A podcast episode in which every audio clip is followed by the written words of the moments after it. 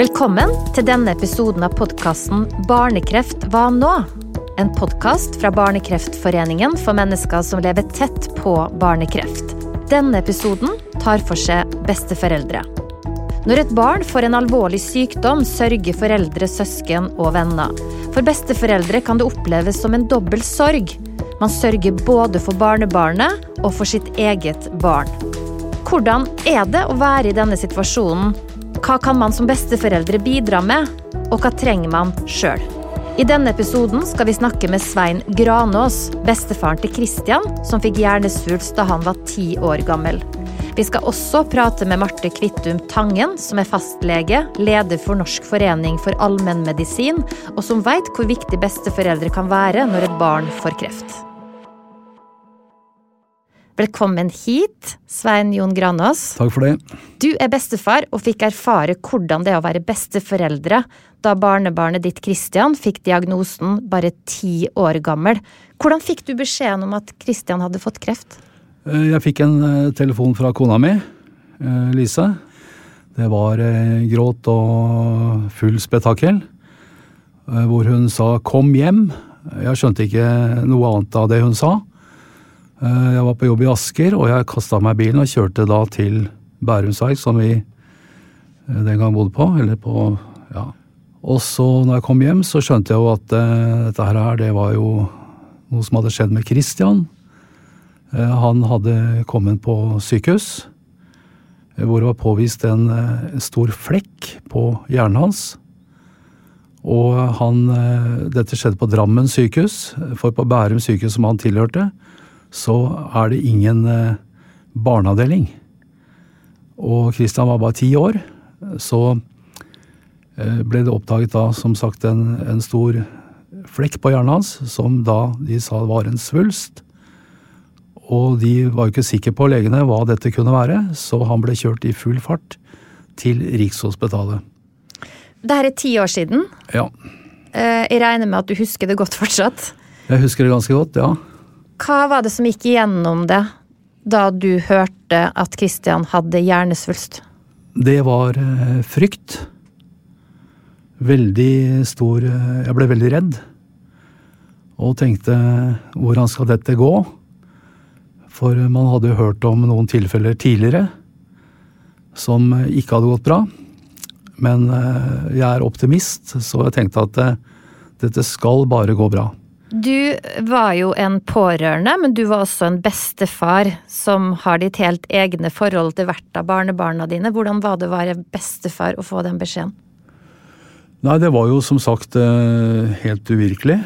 Det, det var jo uh, tøft å, å, se, og når man kom uh, såpass langt at han begynte å få behandling, cellegiftbehandling, så kom vi inn på Rikshospitalet. Og så så vi da, når vi kom inn, noe vi kanskje ikke burde ha sett. Vi så de store dunkene som kom inn med navnet til Christian på. Den gifta skal inn i den gutten, og det skal skje på fem dager. Så hadde han to sånne kurer, eh, og så for legene sa at eh, det kunne kanskje ikke eh, operere bort den svulsten, fordi den satt så latent til at det kunne jo være fare for at eh, skade, andre ting ble skadet i da, under operasjon. Men eh, to cellegiftkurer på fem døgn på hver kur eh, hadde han, med litt Han var vel på sykehus i mellomtida, og, ja, og så fikk han da beskjed på at Fikk de beskjed på at det var én eh, cellegiftkur som til som, måtte, som han måtte gjennom.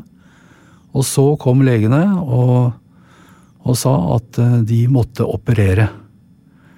For eh, det ble ikke noe bedring. Og de var der for å redde liv.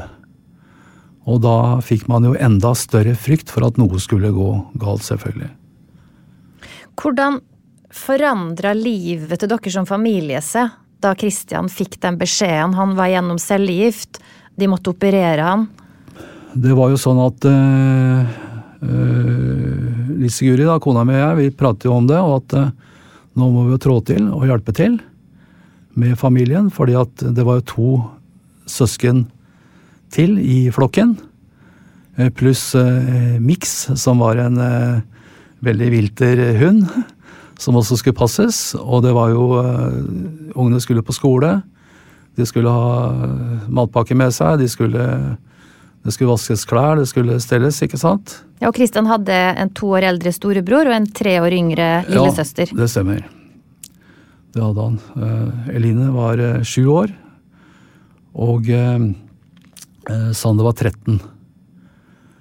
Og det skulle jo eh, kjøres på aktiviteter, og det var jo ting som skulle, eh, skulle gjøres så Flytta dere inn der? Ja, vi flytta delvis inn.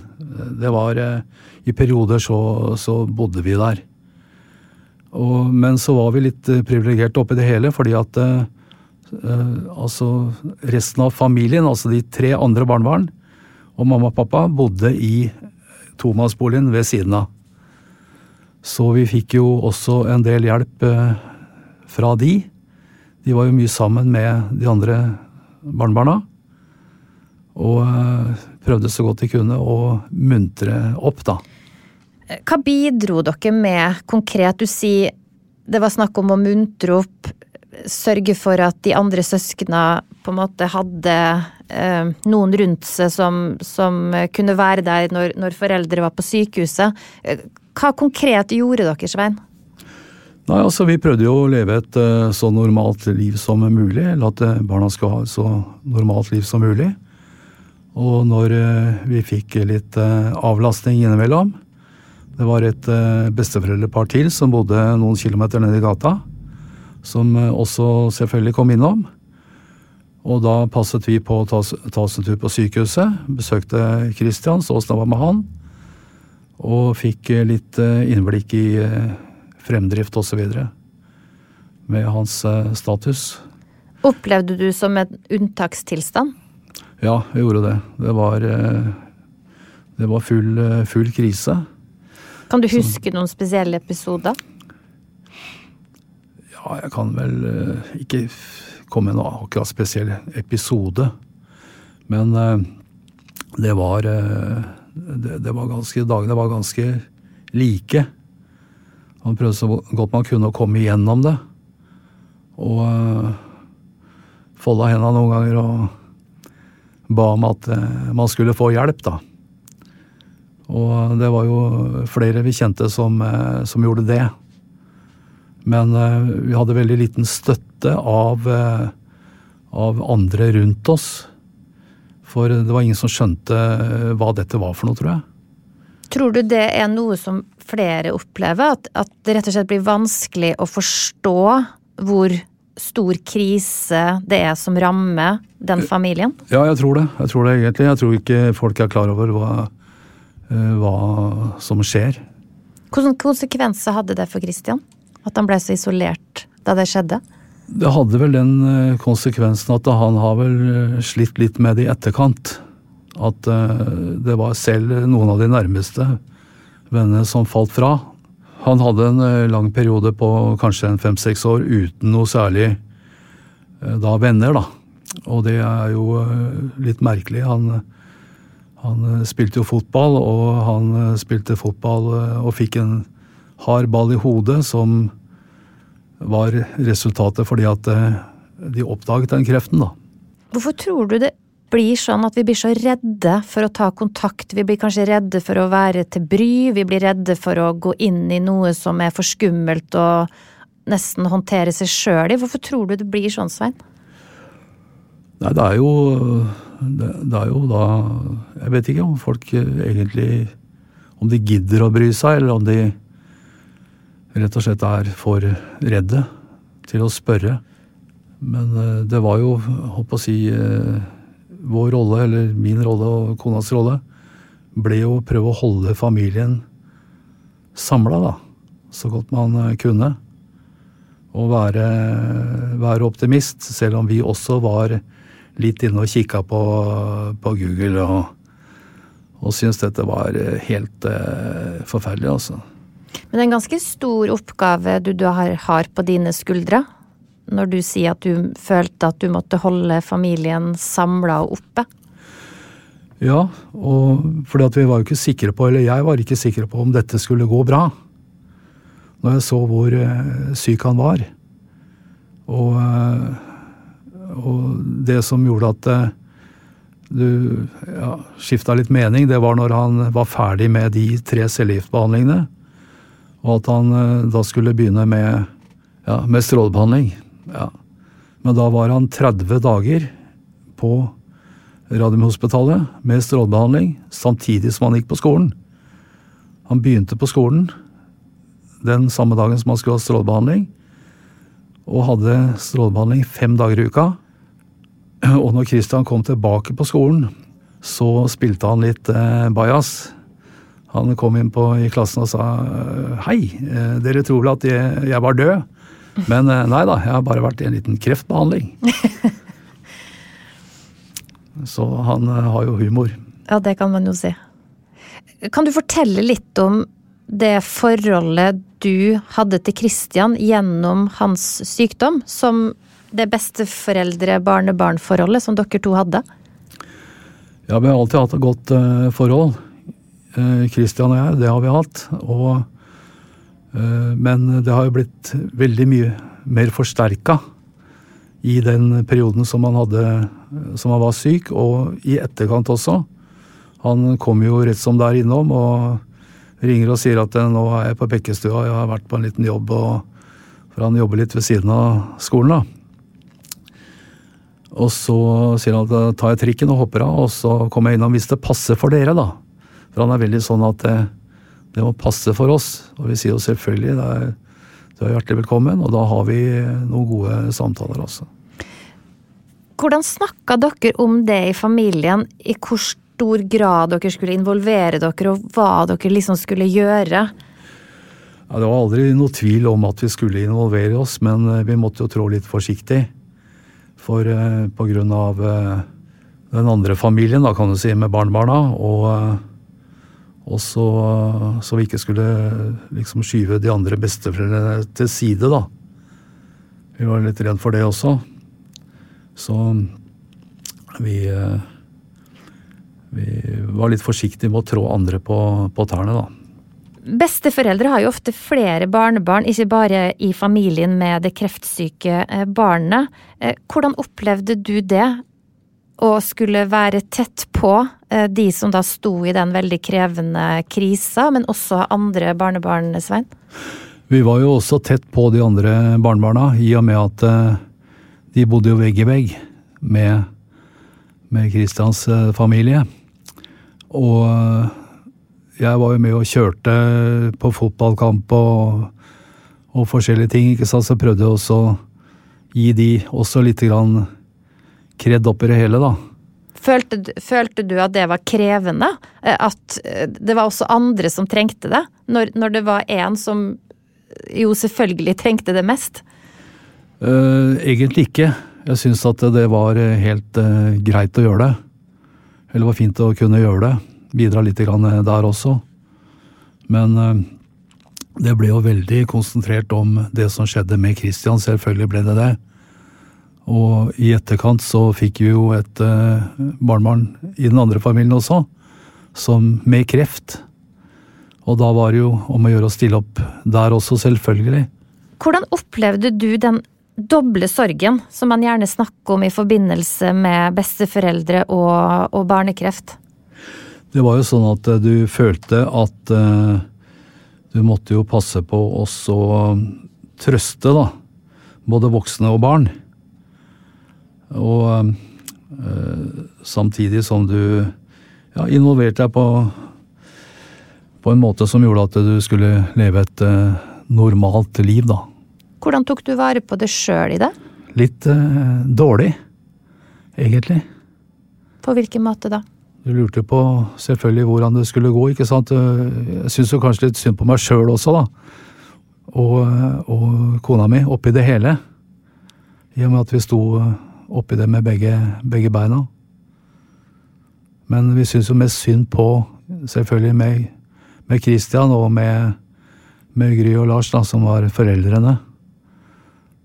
Det var der vi prøvde å støtte opp. For det er jo en livskrise også for besteforeldre? Absolutt, det er det. Eh, ba du om hjelp fra noen? Nei, gjorde ikke det. Ba ikke om eh, hjelp. Jeg har vel uh, regna meg sjøl som ganske sånn uh, tøff. og klart det meste sjøl. Men når du ser tilbake på det nå, skulle du ønske at du hadde vært tøff nok til å be om hjelp? Og jeg tenker ikke bare på den mentale biten, men, men at noen stilte opp for det, at du ba om at noen stilte opp for deg i den situasjonen? Det kan hende. Men jeg har vel i perioder som har hatt det tøft, så har jeg vel aldri tenkt på liksom å gå til noen eh, psykolog eller eh, eller noen eh, som kan hjelpe meg. Sånn sett, da. Um, besteforeldre blir jo også lei seg når et barnebarn man er veldig knytta til og glad i, får kreft. Uh, hvordan håndterte du dine egne følelser i det? Eh, var det greit, syns du det var greit å kunne vise at du var trist og lei deg og ja, ja, fortvila? det var greit å vise det for andre, selvfølgelig. Det var det. Men uh, man uh, holdt på å si man, uh, man gråt og var, var rett og slett forbanna. Og mest når man var aleine. For å slippe å vise det til andre, da. Men overfor Gry, dattera di, følte du at det var rom å vise henne at du var lei deg? Ja, jeg tror hun har oppdaga Eller hun oppdaget at det var At vi var veldig kjørt i den perioden. Hvordan oppdaga hun det? Nei, vi var jo veldig tett på, så Og besøkte jo Christian så ofte vi kunne, også på, når han var på sykehus. Man står jo veldig tett på som besteforeldre, så, men samtidig så er man jo litt utenfor. For det er jo foreldre som er på sykehuset, får beskjeder fra leger direkte. Hvordan opplevde du det? Vi fikk jo god informasjon av foreldrene, det gjorde vi. Men vi var jo temmelig sikre på at de kanskje skjulte noe for oss også, da, som ikke vi hadde behov for å vite. Ja, det er nettopp akkurat det, og det er grunnen for at jeg spør. At hvordan klarte du å liksom falle til ro med den informasjonen du fikk, når du egentlig var litt usikker på om de prøvde å skåne dere fra noe? Vi falt vel aldri til ro, annet enn når vi så at etter operasjonen med Christian, så var vi temmelig sikre på at det skulle gå bra. For legene hadde sagt at dette kommer til å gå bra. Så vi stolte jo på det. Kan besteforeldre også bli en belastning? Eh, eller hvilken måte kan man ende opp med å, uten å ville det, bli en belastning, tenker du? Ja, man kan nok bli en belastning hvis man maser for mye. Jeg tror at eh, det gjelder å, å, prøve å holde seg litt grann, eh, i bakgrunnen, da. Og stole på at den informasjonen du får, den er riktig.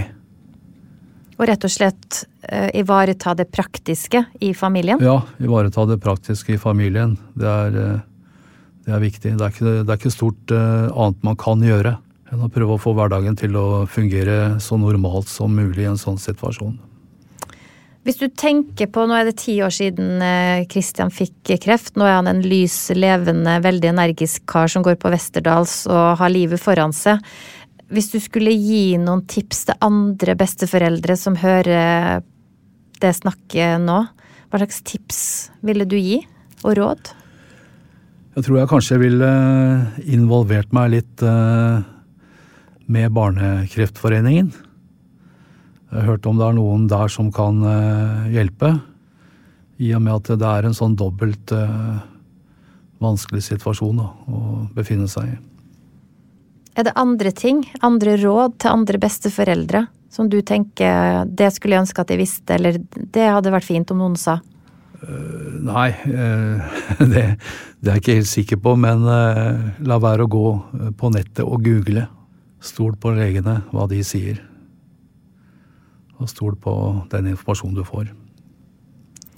Det virker jo som dere har et veldig tett bånd i deres familie. Det er jo ikke alle familier som har det sånn. Hvilke utfordringer tenker du at man kommer borti da?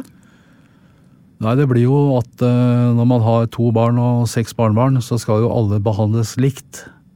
så likt som man bare kan. Om det er sånn alltid, det er jeg vel ikke helt sikker på om man får til, men gjør så godt man kan på det, iallfall.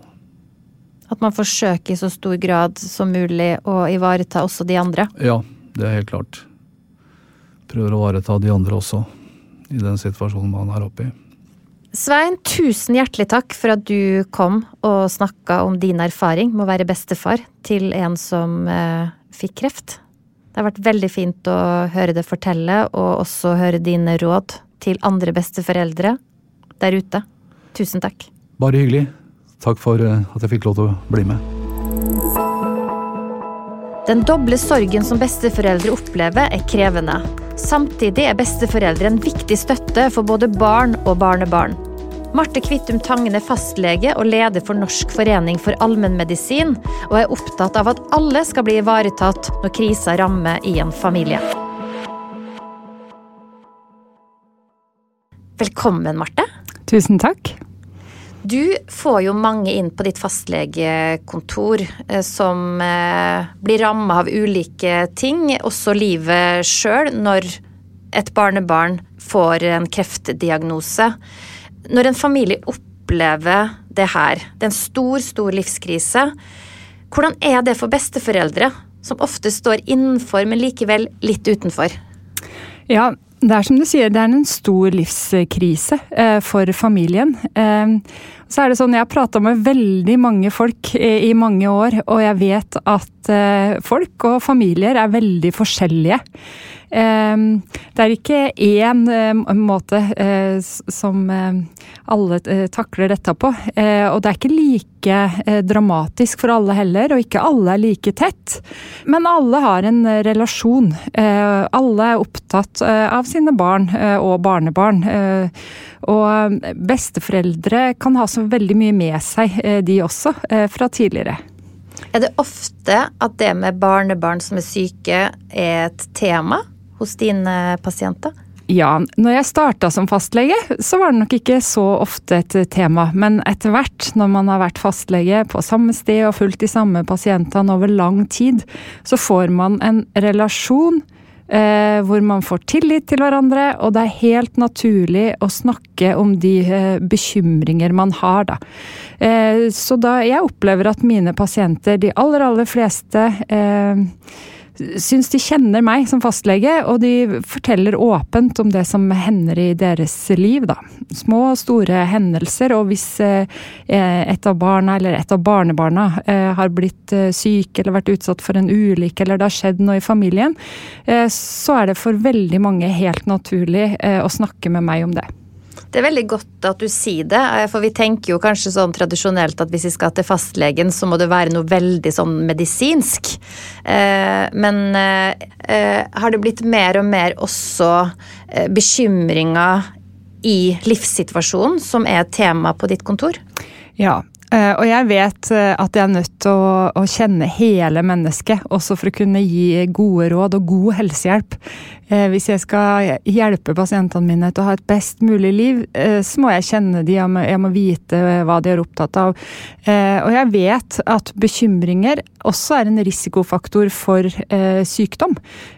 Ikke bare psykisk sykdom, men også kroppslig sykdom. Man kan få muskelvondt, hodepiner, men det kan også øke risikoen for hjerte-karsykdom, f.eks. hvis man går med bekymringer over lang tid. Og da er det snakk om disse eh, bekymringene som virkelig handler om liv og død. Ikke stress eller sånn små hverdagslige bekymringer, men store inngripende bekymringer som alvorlig sykdom i familien, eller eh, økonomiske bekymringer eller eh, ekteskapsproblemer, f.eks.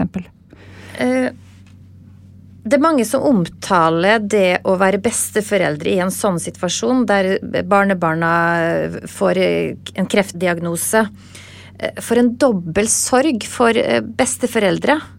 Hva mener man med det? Eh, da tror jeg man tenker på det at man er bekymra både som besteforeldre, da, både for sitt eget barn og for barnebarnet. Man er jo mor eller far til da den forelderen som får et sykt barn, og vil oppleve en, en bekymring og en sorg i forhold til det. Hvordan håndterer man det, den dobbeltheten i det, at det faktisk er to ledd? Eh, det tror jeg man håndterer eh, ulikt. Eh, og igjen, det er forskjell på relasjonene og hvordan familier håndterer det, og hvordan familier snakker sammen også. Så kan det være mange mm, hendelser som har vært i familien da, tidligere òg, som gjør at relasjonene kan være vanskelige, og noen ganger veldig, veldig tette og gode. Og besteforeldre takler det også ulikt, da. Hvilken rolle skal besteforeldre innta da, når et barnebarn får eh, kreft? Eh, nå blir jeg eh, veldig diffus på alle svar, og jeg mener igjen at jeg kan ikke gi én oppskrift på hva som er riktig for akkurat den besteforelderen. Det, det kommer an på hvordan det er i, i familien. Men alle så liker vi å få ros og gode tilbakemeldinger. Eh, så det å eh, finne sin rolle eh, som gjør at man føler selv og får tilbakemelding fra andre på at man gjør noe som er nyttig og som har betydning, det tenker jeg kan være et generelt råd. Det er jo ikke alle som som er så flinke til å snakke sammen, kanskje. Men, men, det å skape en slags sånn rolleforståelse eller en forventningsavklaring kan det være en vei å gå? Hva forventer du av meg nå som det her har skjedd? Det er et veldig godt eh, spørsmål eh, å stille til de rundt seg. Eh, det er ikke like lett for alle å stille det spørsmålet, men det er en fin inngang på det. Og man kan være så direkte, eller man kan basere det på erfaringer fra før. Hvis man f.eks. vet at her vil det være veldig takknemlig hvis jeg kommer hjem og lager middag til de kommer hjem, eller jeg kan lufte hunden, eller jeg kan bistå med noe praktisk i huset, og man vet at det blir satt pris på, eh, så er det en, en sånn fin ting å gjøre, da, tenker jeg. Som eh, man ofte får positive tilbakemeldinger på. Hvor viktig er besteforeldre? Igjen, det er ulikt, men eh, vi er opptatt av familie, eh, alle sammen. Blir vi mer opptatt av det når noe sånt skjer? Ja, det tror jeg. Når det skjer eh, dramatiske hendelser i, i familier, død, alvorlig sykdom, ulykker, så blir man nærmere hverandre, og man deler noe som bare den familien har, da. Man er de som er nærmest, og som har de samme bekymringer og, og sorger, da. Besteforeldre har jo ofte flere barnebarn, ikke bare i familien med et kreftsykt barn. Hvordan skal man unngå at det blir sjalusi overfor resten av familien, som kanskje også trenger besteforeldrene sine? Ja, det kan jeg jo høre noen ganger eh, fra eh, da, tanter eller onkler eh, som opplever at eh, den familien som har et eh, sykt barn, de får all oppmerksomhet. Eh, så både da de andre barnebarna og da de andre søsknene til foreldrene kan oppleve på det en sjalusi, selv om de har stor forståelse for at det er en dramatisk hendelse. Da. Så eh, mange besteforeldre er jo flinke til å huske på alle sammen, men det kan være noe man kan ha i mente, da. Eh, at man må prøve å gi oppmerksomhet til andre. Og så kan det jo også da eh, være sånn at eh, der er det virkelig behov for at besteforeldrene trår til overfor søsken og for de andre barnebarna, som også vil oppleve det her dramatisk og med, ha bekymring og mange spørsmål. da. Det er en stor oppgave å være besteforeldre i et sånt eh, familietre. Det er en stor oppgave å være besteforeldre. Nå har ikke jeg blitt eh, bestemor eh, selv ennå, så det er ikke sikkert det er så lenge til. Men jeg tenker at det må også være en utfordrende rolle. Og når man det, blir det som første gang, akkurat som når man blir mor eller far for første gang, så, så er det noe nytt som man må finne ut av. Hvilken plass skal jeg ha nå? Mm. Det er jo vanskelig for alle når noe sånt skjer i, i nabolaget, i vennekrets. Hvor tett på skal jeg gå? Eh, oi, ble det for mye? Blir det for lite? Det er jo noe som alle kan, kan kjenne på kan være en utfordring, da. Kan besteforeldre også bli en belastning? Eh, og på hvilken måte kan de være en belastning uten å forstå det sjøl? Eh, ja, det kan man bli. Og det er jo sånn at man eh, har jo ikke alle svar. Eh, som foreldre eh, i en sånn situasjon. Eh, man er usikker. Eh, man har kanskje mer enn nok med seg selv eh, å ta vare på de oppgavene man må. Og, og, det da å skulle holde andre i familien informert hele tiden, eller kanskje til og med ha overskudd til å gi omsorg til andre. Eh, hvis noen ganger så snus jo rollene med foreldre og barn nå, ettersom åra går. At det blir da foreldrene til syke barnet f.eks. føler på at de har, må ha omsorg for besteforeldrene også. Og igjen så er det jo veldig ulikt da i de ulike familiene. Hva skal man ikke gjøre? Tenker du? Eh, man skal være raus, tenker jeg. Eh, så da blir vel svaret man skal ikke være ikke raus. Man, man, man, må vise litt, litt raushet og ikke være så hårsår. Ikke tolke alle setninger eller kommentarer eller hendelser i verste mening. Men prøve å forstå at dette her er en vanskelig situasjon som vi må prøve å komme oss gjennom sammen, og så vise raushet. Hvordan skal besteforeldre forholde seg til sitt eget barnebarn, da, som har blitt sykt? De har jo eh, en relasjon som de har opparbeida kanskje over noen få år, hvis barnet er lite, eller flere år hvis dette barnet er eldre. Hvordan skal man eh, forholde seg til barnebarnet sitt? Eh, igjen så kommer det jo an på det hvor, hvor sykt eh, er barnebarnet, eh, og hvor gammelt er det, hvor nær relasjon har man, hvor, nær relasjon er det i familien. Eh, det er mange svar på det. Eh, for noen besteforeldre så Eh, vil det være helt eh, naturlig å gå tett eh, innpå og være der, være på sykehuset, få all informasjon om den medisinske historikken og det som skjer og skal skje framover. For andre så er det mer naturlig å holde litt mer avstand. Så alt er lov? Alt er lov. Det er egentlig det du sier, Marte. Ja.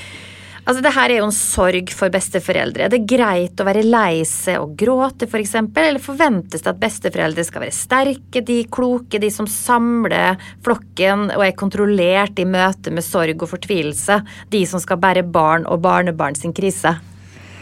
Nei, her tenker jeg at man eh, kan ikke eh, forvente at man skal skjule følelsene sine, verken av besteforeldre, foreldre eller barn. Jeg tror på åpenhet, eh, og at vi kan fortelle hverandre hvordan vi har det, og at det er lov å vise reaksjoner da, på at man blir lei seg, at man gråter, at man er bekymra eller ja, blir engstelig.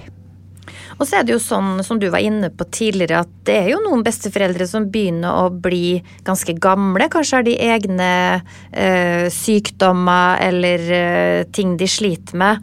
Eh, og det er jo ikke alle mennesker som er gode støttespillere i kriser generelt heller.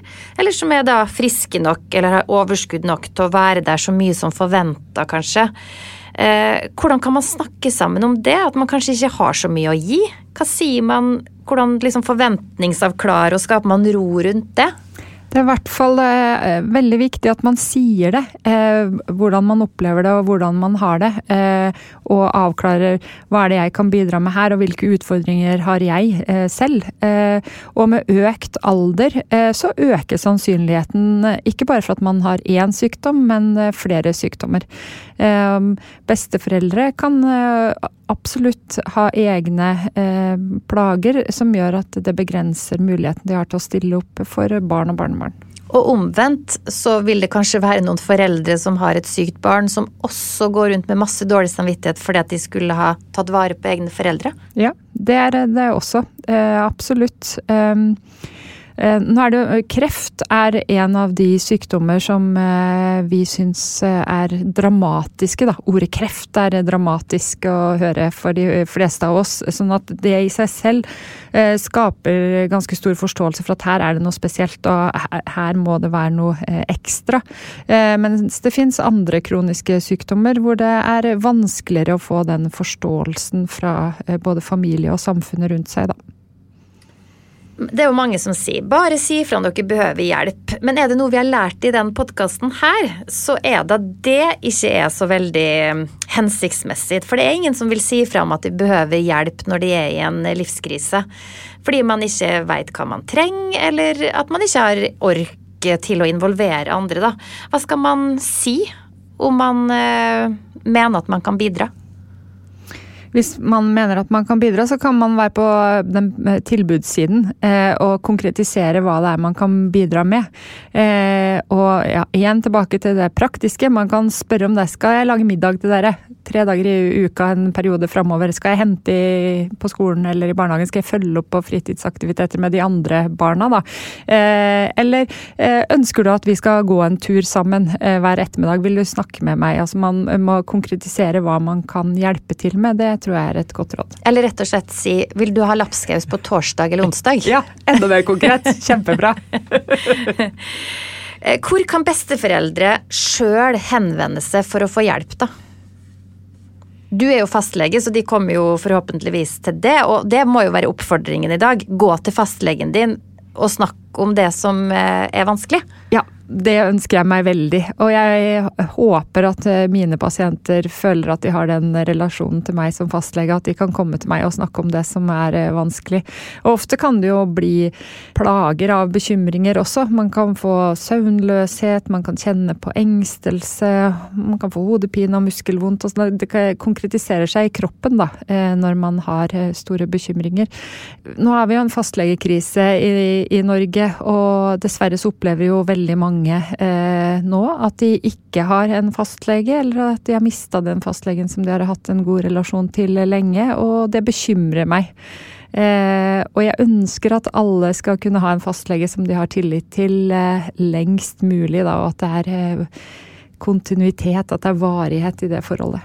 Har, er dine lister fulle? Ja, mine lister er fulle. Tenkte det ikke. Jeg er veldig fornøyd med min fastlege, altså.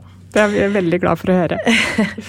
Du, Har du noen konkrete tips til besteforeldre som har barn, eh, barn med kreft? Er det noe du tenker det er en god idé? Jeg har jo tro på kunnskap, da. Eh, å vite mest mulig. Eh, og at det er sånn med besteforeldre som det er med oss alle andre. Det vi ikke vet noe om, da forestiller vi oss mye. Så det å snakke snakke og dele og få informasjon, det har jeg tro på. Og så finnes det jo veldig mange andre eh, støtteapparat, og det er jo ikke bare fastlegen. Hele familier eh, kan få tilbud om eh, sånne støtteordninger og, noen å snakke med. Og mange kommuner har en kreftsykepleier som man også kan ta kontakt med så har jeg tro på det å være sosial, da. Være i et fellesskap. For noen er det riktig å være med på eh, fysiske aktiviteter, være en del av idrettslaget. For andre så er det bra å synge i kor. Altså, man må finne en arena hvor man kan snakke med andre. Eh, ikke alle har en arbeidsplass eh, hvor det er naturlig å snakke om det, men noen har det. Igjen, her må man finne det som passer best for seg, da. Og så er det vel noe med, med det, da, Marte, at hvis besteforeldre er veldig bekymra, som du er inne på, det kan jo sette seg i, fysisk i kroppen, de kan bli syke av den bekymringa. Eh, så det er viktig at de får tømt seg, og da er fastlegen et eh, veldig godt sted for det. Ja, jeg vil gjerne bli så godt kjent med pasientene mine òg, så jeg vil veldig gjerne høre om det som skjer i de familiene. Eh, og i tillegg til det så, så, liker jeg folk, da. Og jeg liker å følge folk eh, gjennom livet. Eh, jeg syns det har vært den aller største gleden ved å være fastlege da, på et lite sted og få følge liv, eh, altså følge folk gjennom livet sine og se alt det som hender. Og noen ganger så tenker jeg at eh, dette her uh, er helt forferdelig, dette kan ikke gå bra. Hvordan kan du klare å stable på et liv på plass etter disse hendelsene? Og så ser jeg det at med tiden, da, åra går, det kommer nye ting til, og, og det kommer gleder inn i de flestes liv med tiden, da. Det var veldig godt sagt. Det er mer håp enn man uh, kanskje ser uh, i enkelte av livets stunder. Ja, det er det. og det er noe av det som jeg har blitt overraska over da, når jeg har fulgt folk gjennom tid. at ja, Man sier jo sånn enkelt at tiden leger alle sår. Den leger absolutt ikke alle sår, men den gjør i hvert fall at de såra gror litt, og man kan få gode liv senere. Og hvis de går og tømmer seg litt til en fastlege, så blir de statistisk eh, friskere, holder seg friskere lengre. Ja. Jeg tror det er noe av den forklaringa på de eh, studiene som viser at man lever lengre og man eh, blir mindre syk hvis man har den samme fastlegen som følger seg over tid. Da tror jeg at det handler om at man blir kjent, at man har tillit til hverandre og man vet hvordan man reagerer i ulike situasjoner. Eh, og da gjør det for meg som lege det mye lettere å tolke eh, de symptomene og de problemene og de plagene som pasienten kommer til meg med, på en riktig måte. Tusen hjertelig takk, Marte, for at du var med oss og snakka så varmt og godt om eh, hvordan også besteforeldre kan få hjelp i en situasjon der barnebarn opplever kreft. Tusen takk for at jeg fikk komme. Vil du vite mer om Barnekreftforeninga eller har andre spørsmål knytta til barnekreft? Gå inn på barnekreftforeningen.no, eller lytt til flere episoder av Barnekreft hva nå? Plan B.